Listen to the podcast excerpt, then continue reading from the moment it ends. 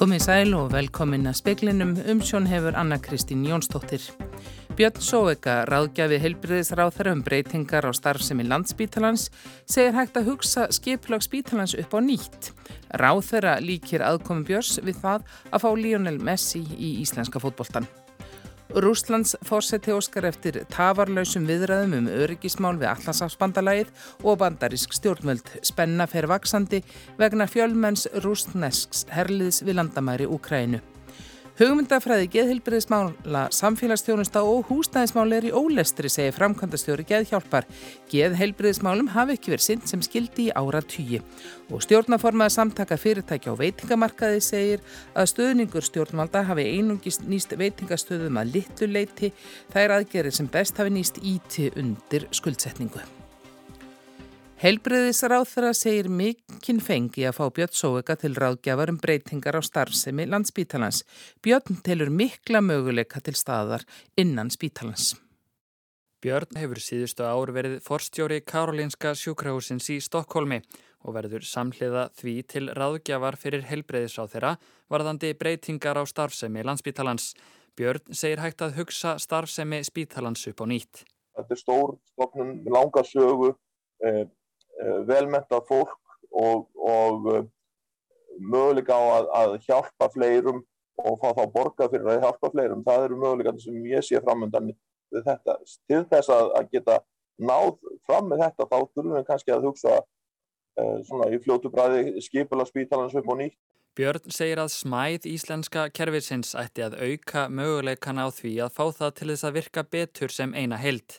Viljum Þór Þórsson helbreyðis á þeirra segir Björn koma að borðinu með mikilvæga þekkingu á tímapunkti þar sem stórar áskoranir séu framöndan. Nú er Björn með, með mikla reynslu af stjórnun á mjög stórum spítala og, og ég get, ég menna þetta er auðvitað bara fyrir Íslands helbreyðiskerfi, fyrir fólki í landinu og fyrir, fyrir, fyrir ráðuneyti og ríkistjórn.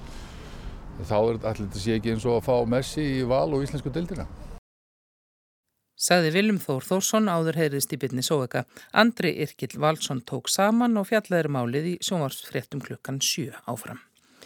Vladimir Putin fórseti Rústlands fór í dag fram á tafarlausan fund með forsvarsmönnum Allandsafsbandalagsins og bandarískum stjórnvöldum um öryggismál. Stjórnvöld á Vesturlöndum saka rúsa um að undirbúa innrás í Úkrænu en þeir neyta staðfastlega. Þegar rúsar þurfa að ræða við Allansáfsbandalagi þá var finnar jafnan milligöngu um að koma á samtali. Putin ringdi í dag í sáli í nýnustöð Finnlands fórseta og baðan um að koma á fundi án tafar með Allansáfsbandalaginu, NATO og bandarískum stjórnvöldum. Í yfirlýsingu frá stjórnvöldum í Kreml segir að Pútín vilji fá lögbundna alþjóðlega tryggingu fyrir því að öryggi Rúslands verði ekki ógnað þar á meðal að NATO hætti sókn sinni til östurs og komi fyrir vopnum í nágrannaríkjum Rúslands þar á meðal Úkrænu. Síðar í dag rætti Pútín hið sama við Emmanuel Macron, forsetta Fraklands. Í símtalinu við Sálín Ínistöð sakaði Pútín Úkrænumennum að nota þungavopn og dróna í vaksandi mæli gegn aðskilnaðar sinnum í héröðum í austurhluta Úkrænu. Talið er að á annað 100.000 rúsneskir herrmenn séu við austurlandamærin.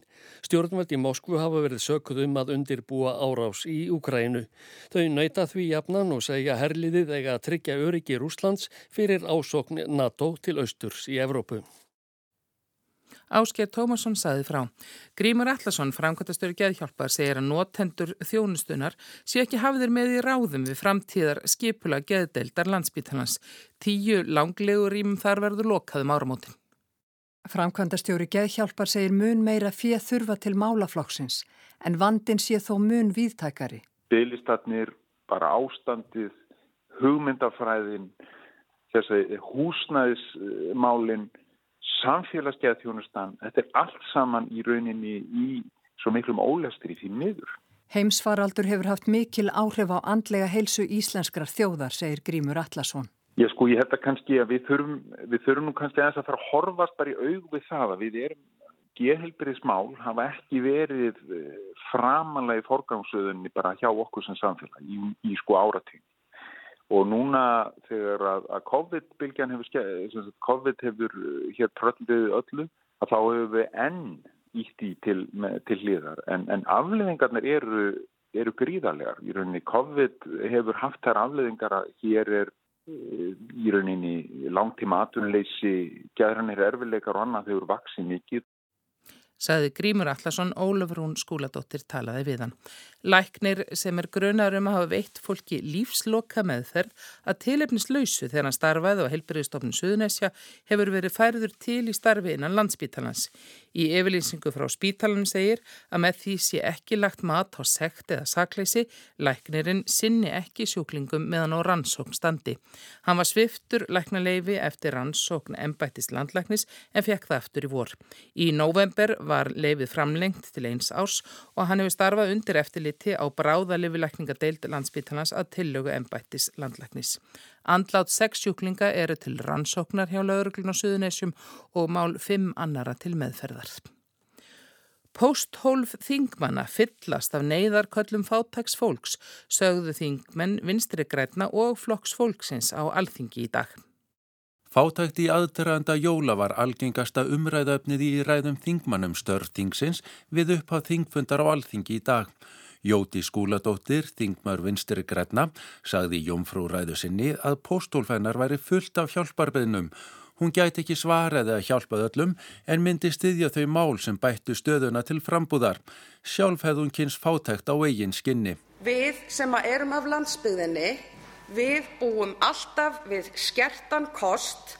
Hér hefur verið talað um að fólk standi í röðum eftir jólamat. Víða á landsbyðinni eru engar raðir af því þar er engin hjálp.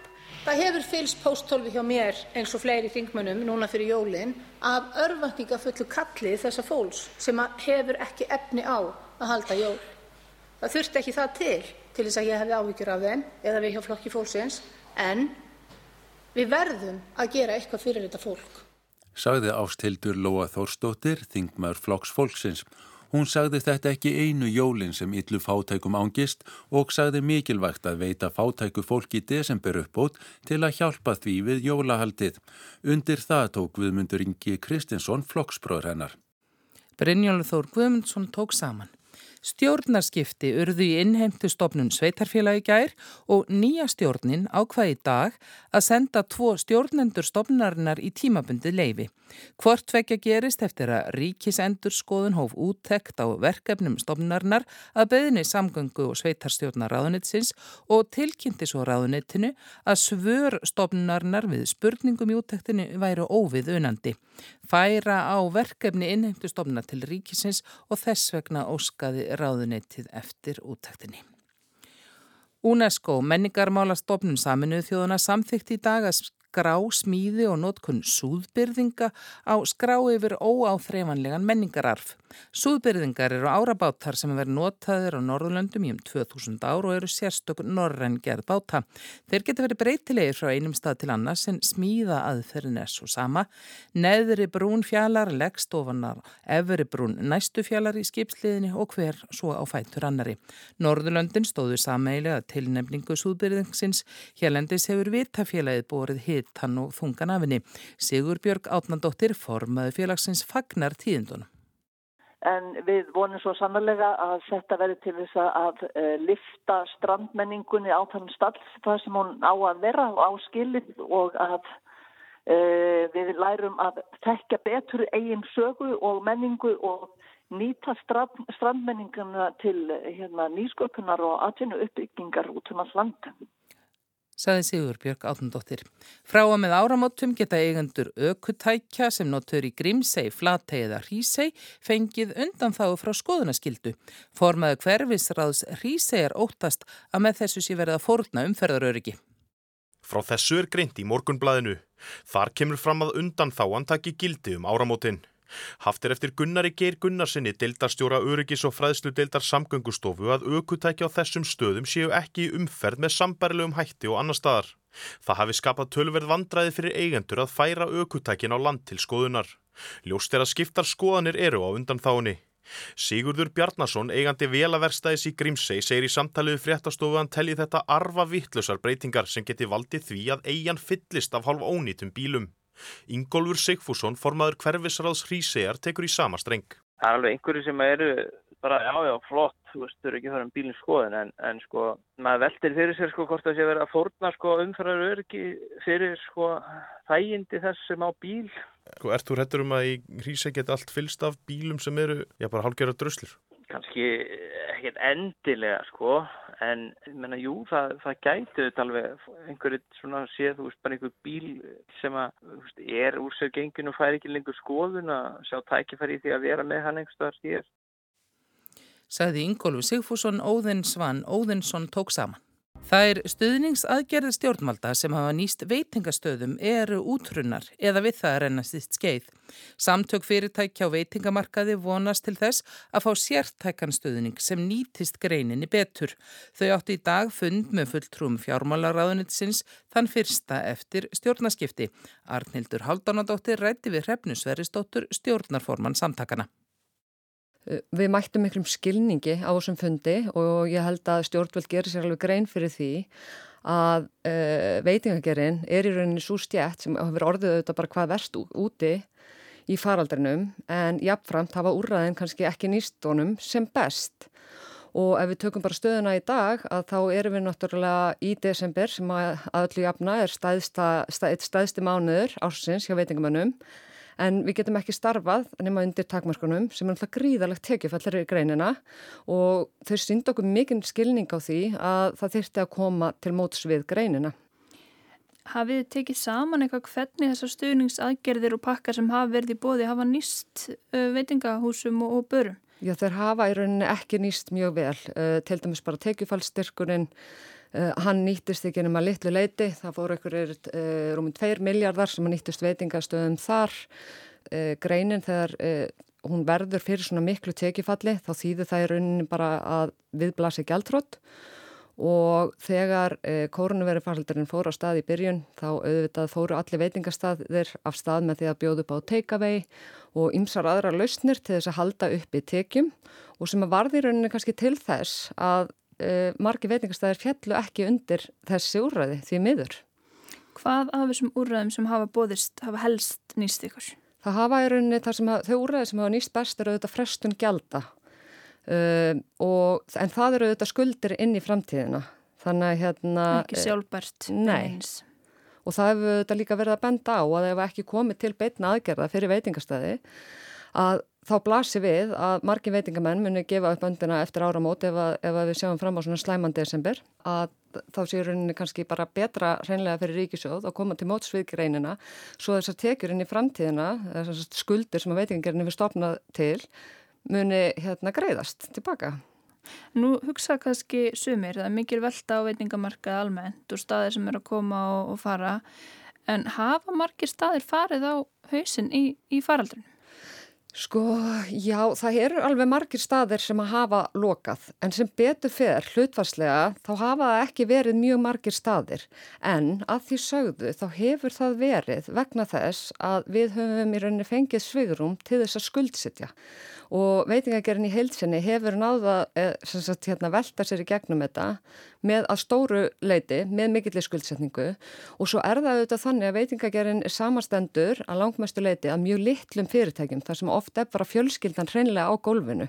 Þannig að maður heyri það líka að stór hluti fyrirtækjana hefur hreinlega bara brett um ermarnar og það eru bara fjölskylduna að kalla þar til og það er unnið baki brotnu við að halda fyrirtækinu, fjölskyldu fyrirtækinu á floti. Þannig að það hefur gengið en það eru auðvitað bara allir komnir að þólmörkum núna. Þannig að það er ekki þannig að uh, stjórnvöld hafi verið að móki ykkur miljörðurum og það hafi haldið stöðunum gangandi og jafnvel þá kannski stöðum sem áttu sér enga von. Nei, því miður ekki og ég held að það hafi nú alveg verið gert fyrir hérna úrræðin þannig að í rauninni þeir sem voru komnir í vanda fyrir eins og til dæmis hérna ef þú skuldaðir einhvers konar ofn með gjöld eða varst með aðra skuldir þá í rauninni áttur ekki rétt á neinum úrræðin. Þannig að hefur verið allir því fyrir sem varið hefur verið til veitingarstæðana hefur verið að nýtast hérna e, lífanum stöðum.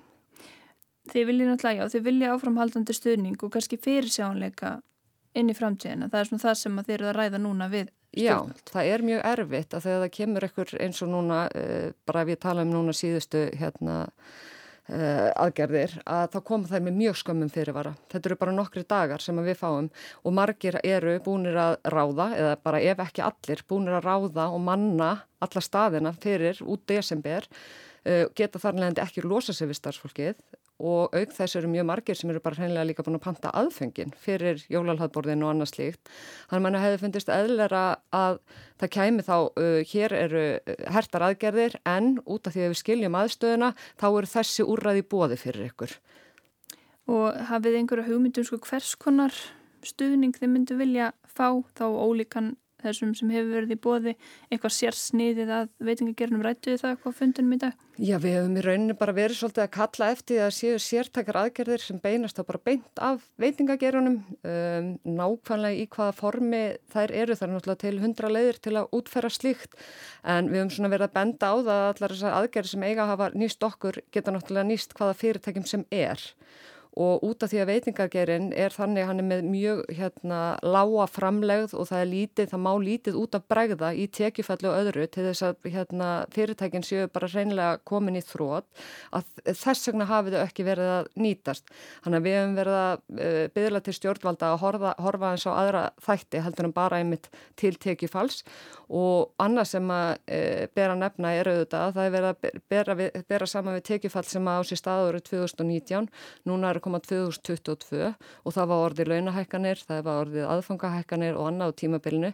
Þannig að oft þó að salan sé búin að dragast saman um kannski 20% að e, þá er hún það ekki í krónutölum þið myndu vilja fara að fá hlutina betur á, á reynd. Já, auðvitað er bara fyrirsjáðanleiki, eh, skiptir bara gríðarlega miklu máli, auðvitað bara í öllum fyrirtækjarekstri og, hérna, og vissulega við skiljum auðvitað það að stjórnvöld geti ekki, þetta er ófyrirsjáðanlega veira sem við verum að klíma við, en þegar þessar uh, takmarkanir eru settar á, þá væri gott að það kæmi þá strax einhvers konar úrræði eða einhvers konar leið fyrir veitingageran til að bregðast við breytum rekstrafórsendum. Það eru tíu þúsund mann sem að starfa í geiranum og það eru miklar áhyggjur af uh, tekjumissi áhyggjur af skólafólki sem er ofta myndið að fleita sér fram í næstu mánuði með skóla. Fyrir já, nokkru mánuðum þegar að, þegar að Delta eh, náðu sér á stryk þá töluðu þið um að þið vildu fá raukstunning fyrir því hvers vegna já, eitthvað fast í rauninni sótt að það gerði bitna harðar á veitingagerunum heldur en til dæmis líkansrættastöðum eða, eða sundstöðum og vildu mm -hmm. fá gögg frá Þórólfi. Fenguði einhvern tíma þessar skýringar? Nei, við höfum í rauninni aldrei fengið raukstöning fyrir af hverju aðgerðunar bitna svona hart á veitingagerunum.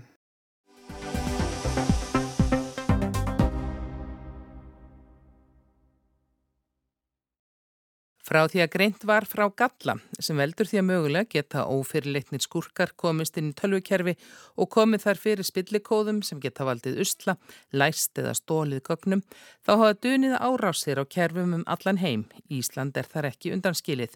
Anton Már Egilson, aðstóðar fórstjóri Sindís, segir að frá því að menn vissu af gallanum hafi verið stöðug stígandi í tilraunum til að komast inn en tekist hafi að hrinda árásum. Í þessum heimi eru flestar árásar í dag sjálfvirkar þannig að það kemur upp galli í, í þessari stafarunni sem kallar log4j eða log4j sem að er mjög í výttakri nótkunum allan heim sem þýðir að eh, gríðalegu fjöldi kerfa og, og, eða tækja eru opinn fyrir, fyrir árás. Og þá fer strax að staði rauninni viðbrað hjá glæpa, við getum bara kallaða glæpahópum sem eru hakarar eða einhvers konar óbrúnir aðelar sem að, sem að reyna að fara að nýta þennan galla til, til inbrots eða, eða einhvers konar árása. Þetta kom upp að var við þessu lögadaginn, þetta uppgötast fyrir helgi, er stígandi eða er stöðug sóknýði þegar mann er að reyna að komast inn? Er eitthvað að lýsa því? Við sjáum, eh, við sáum rauninni bara örstuttu eftir að gallin er öllum ljós eða er gefin út Uh, og við byrjum að fylgjast aktíft með honum í okkar vöktunarkjörum hjá þeim aðeins sem við erum og við erum að vakta tölunum fjölda aðila á stafrannan hátt þá byrjum við að sjá tilraunir til, til misnáttunar. Þær hafa klárlega stífmagnast og þær eru að þróast. Þær eru að þróast á bara hálftíma fresti. Þannig að það sem byrja sem einstak, e, einfalda fyrirspurnir á einfaldan hátt við erum núna búin að þurfa að vika reglur og, og vöktunum engi okkar gríðarlega af því að það er verið að þróa árásar aðferðina stanslust. Hefur tekist að, að hrinda þeim árásum hinga til? Hinga til erum við búin að hrinda öllum árásum á alla okkar viðskiptafinni og alla sem við erum að vakta en, en það er kannski vandi margra að það er ekki með þessa rauntíma vöktun 20 fyrir 7 því um það, svona, í svona ástandi snýst þetta allt um svoleiðis vöktun þú sért að sjá á bara hverjum tíma hvaða tilvörnir verður að gera er það að takast eða ekki. Því að hættan er svo í þess, þessari áræðsrauninni að e, þó þessi verið að vinna á fullu við það að, loka fyrir veikleikan þá er hættan svo einhverju séu komnir inn í kerfi aðelana séu búin að koma þar fyrir baktirum sem að munu verða aðgengilegar fram í tíman þó svo að þú loki fyrir þennan veikleika bara um það að komast í gegnum þessar, þessar litlu glöfu sem er opið núna þá kemur þér bara fyrir og þá ertu bara þar um ákvæmna tíð. Fyrrnemdu galli hefur verið til í mörg ár en uppgöttaðist fyrir nokkrum dögum. Það hefur aðeins verið rætt um það af hverju er ljóstrað upp um gallan eða, eða af hverju ætti það ekki að vera. Og ástæðan er fyrir okkur einföld í því að um leið og það vita þessu einhverjir þó að þessi ekki um að tugir aðeila þá byrja þeir aktíft að skanna öll kerfi heimsins fyrir þessum veikleika og byrja að nýta, nýta sér hann. Þannig að það er okkar að láta sem flesta vita, það er okkar að láta sem flesta vita að bestu aðferðum til þess að breyðast við þessu sem dæmi þá sjáum við ég held að sé að nálgast 200 aðela sem að við sjáum einstaklega aðela sem að við sjáum í okkar vöktunarkerfum vera að reyna að gera tilröðinir bara hér á viðskiptunum hér á Íslandi. Við sjáum strax fyrir okkur mynd af einhverjum manni sem sittur einnir í kjallara fyrir framantölvuna og lemur liklaborðið alveg í gríð og erg en það er ekki raunveruleikin. Nei, þetta er náttúrulega miklu þroskaðar en það. Þetta er að mörguleiti bara einaður náttúrulega. Tölvugleipir eru einaður og einaður bara stærri í heiminum og þannig að þetta eru bara mjög skipulag, við getum bara sagt fyrirtæki og svo náttúrulega er alltaf óljós lína líka milli yðnar, njóstna, eh, hernaðar í, í tækni og það er bara mörg ríki mjög framalega í, í því að beita, beita tölvu tækni í hernaði. Þannig að allir þessir aðilar eru núna á fullu að sjá hvort það getur komið sér fyrir í mögulegum kerfum einhverja. Eins og Anton Vekað áðan eru langflestar árásinnar sjálfvirkar. Það er ekki þannig einhver maður út í heimi taki meðvitað ákverðun um að ráðast að tilteknu fyrirtæki í Garðabæ en í haust til dæmis þá voru gögn geyslatækni tekinni gíslingu af rúsneskum þrjótum. Og svo er sérhæðmenn sem er að segja í þess svona mismundi tækni, einhverjir sjá, sjá um það að, að skanna og koma sér fyrir svo er bara búin til listi og sá listi seldur mögulega áfram til aðila sem að ætla sér að beita gagnækislatöku á þessa aðila alla og það sem er kannski hættulegast í þessu er að varandi veiklingar sem er í gangi núna er það að, að við munum sjá árásinnar koma upp langt fram á næsta ár Ef einhver hefur smóið inn án þess eftir væri tekið rætt að finna það eftir á Verkefni núna er tvíþætt getum við sagt. Það er annars vegar það að stoppa í, í það að nokkur komist inn og átt að séu þegar hvort einhvers er komin inn. E, það er mjög mismöndi hversu vel er staðið að aðvika skráningu og því sem fer fram í tölvukjörum. En ef það er vel að því staðið þá er hægt að greina aftur í tíman reyfingar sem væri óveðlegar og þá átt að sjá því hvort að einhver er komin inn í einhverjuð. Og þá er hægt að kempa óverna úr, sagði Anton Már Egilson, aðstofa forstjóri Sindis.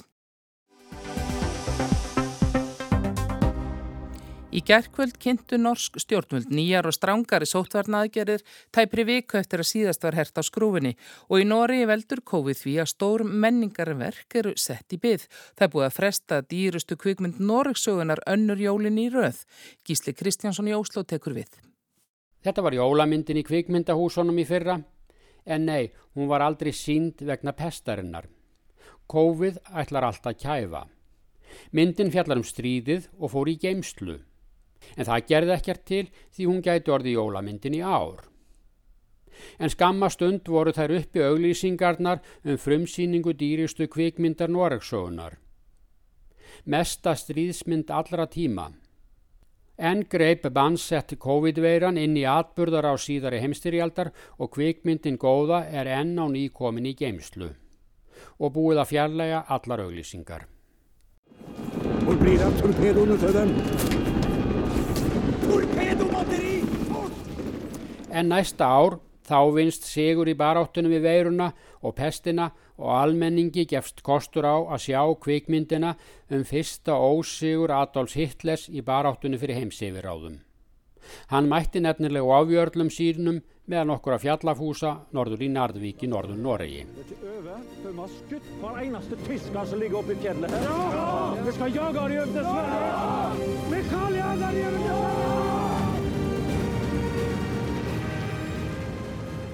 Við rekjum þá alla yfir til Svíþjóðarsöðu normennirni sem vörðu Nardvík en það verður samsatt byð á að óvinnurinn flæmist yfir til Svíþjóðar. Það verður að býða næstu jóla með frumsýninguna. En í raun er þetta ekkert grín. Heldur þau miklu áföll sem menningin í landinu verður fyrir þegar búið er að loka öllu nema minnstu samkvæmum. Kvikmyndin um orustunum Narvík vorið 1940 er dýrasta kvikmynd sem norðmenn hafa gert, hálfur annan miljardur í kostnað og svo er ekkert þarna til ráða en að láta frumsýninguna býða ár eftir ár. Kostnaðurinn er mikill þótt hann fáist bættur þannig að kvikmyndafyrirtækið haldi sjó fram að næstu jólum. En spennan fyrir að sjá kvikmynd sem hefur verið auglýst aftur og aftur og svo aflýst dvínar með árunum. Myndin verður gömul og hættir ef til vill að lokka að sér aðra en mestu áhuga menn. Áhrifin getur orðið langvarandi, það er ekki hættanda á að fjárfesta í dýrum menningarviðburðum Því með fáradaga fyrirvara getur orðið að aflýsa öllu. Og nú er fólk hægt að trúa því að þetta gildi bara um ein jól og eina jólamynd í kvikmyndahúsunum. Aflýsingar verða eftir vill varanlegar uppákomur í menningarheiminum. Þó er bóti máli að áhugi norðmann á heimstyrjaldinni síðari og herrnámi nazista frá 1940 til 1945 fer síst dvínandi. Undanfærin ár hafa verið framleitar margar kvikmyndir og raðir af sjónvarsþáttum um stríðið. Engin hefur lengur tölu allum þeim jólabókum sem einmitt hafa fjallað um stríðið. Í sumar náðist að sína nýja kvikmyndum örlög norsku gýðingana og um síðustu jól sátu landsmenn limdir yfir sjónvarsþáttum um líf og ævintýri norsku krónprinsessunar í Ameríku í stríðinu. Æfusögurítari konungs er búin að skrifa áttabindi og er enn í stríðinu. Og núna fyrir jólinn kom út alveg ný tólkun á viðburðum í norðun Norgi þegar þjóðverjar ákvaðu undir stríðslokk að skilja eftir sviðna jörð í norðri. Þeir brendu niður hús 70.000 manna á einu hausti. Það er samsagt enn af nógri stríðsögu að taka. Ekkert nema veiran og pestin sem getur stöðvað framsókn stríðsögunar. Núna átti kvikmyndin um Narvík að slá öll fyrir met í sprengingum og herliheitum á kvítatjaldinu en það verður að býða næstu jóla.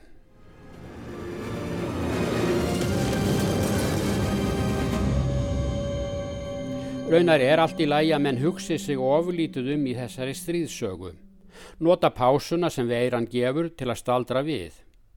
Síðustu ár hefur borið æg meira á þörf fyrir að skrifa stöðut stærra og stærra hlutverk fyrir norðmenn inn í þessa stríðsögu. Þetta hefur verið gaggrínt hér. Það vantar oft heimildirnar en það óhjákvæmilegt að fara frjálslega með til að auka spennuna. Og þá gleymist í öllu þessu flóði að kvikmyndum, sjónvarstáttum og bókum að stríðsárin voru fremur kirlátt í Noregi. Þó vissulega með mikilvægum undantekningum eins og eyðingu allra mannvirkja á Finnmörku og í norður hluta Trómsfylkis. Og vissulega líka orustunar um Narvík. Þar mættu hersveitir breyta, frakka og pólverja í baráttuna með heimamönnum en urðu að lokum að fara heim, þjóðverjar sigruðum. Fyrir flesta landsmenn var hernámið bara dóði og byð. Hagkerfi landsins koðnaði niður og samfélagi lagðist í dvala.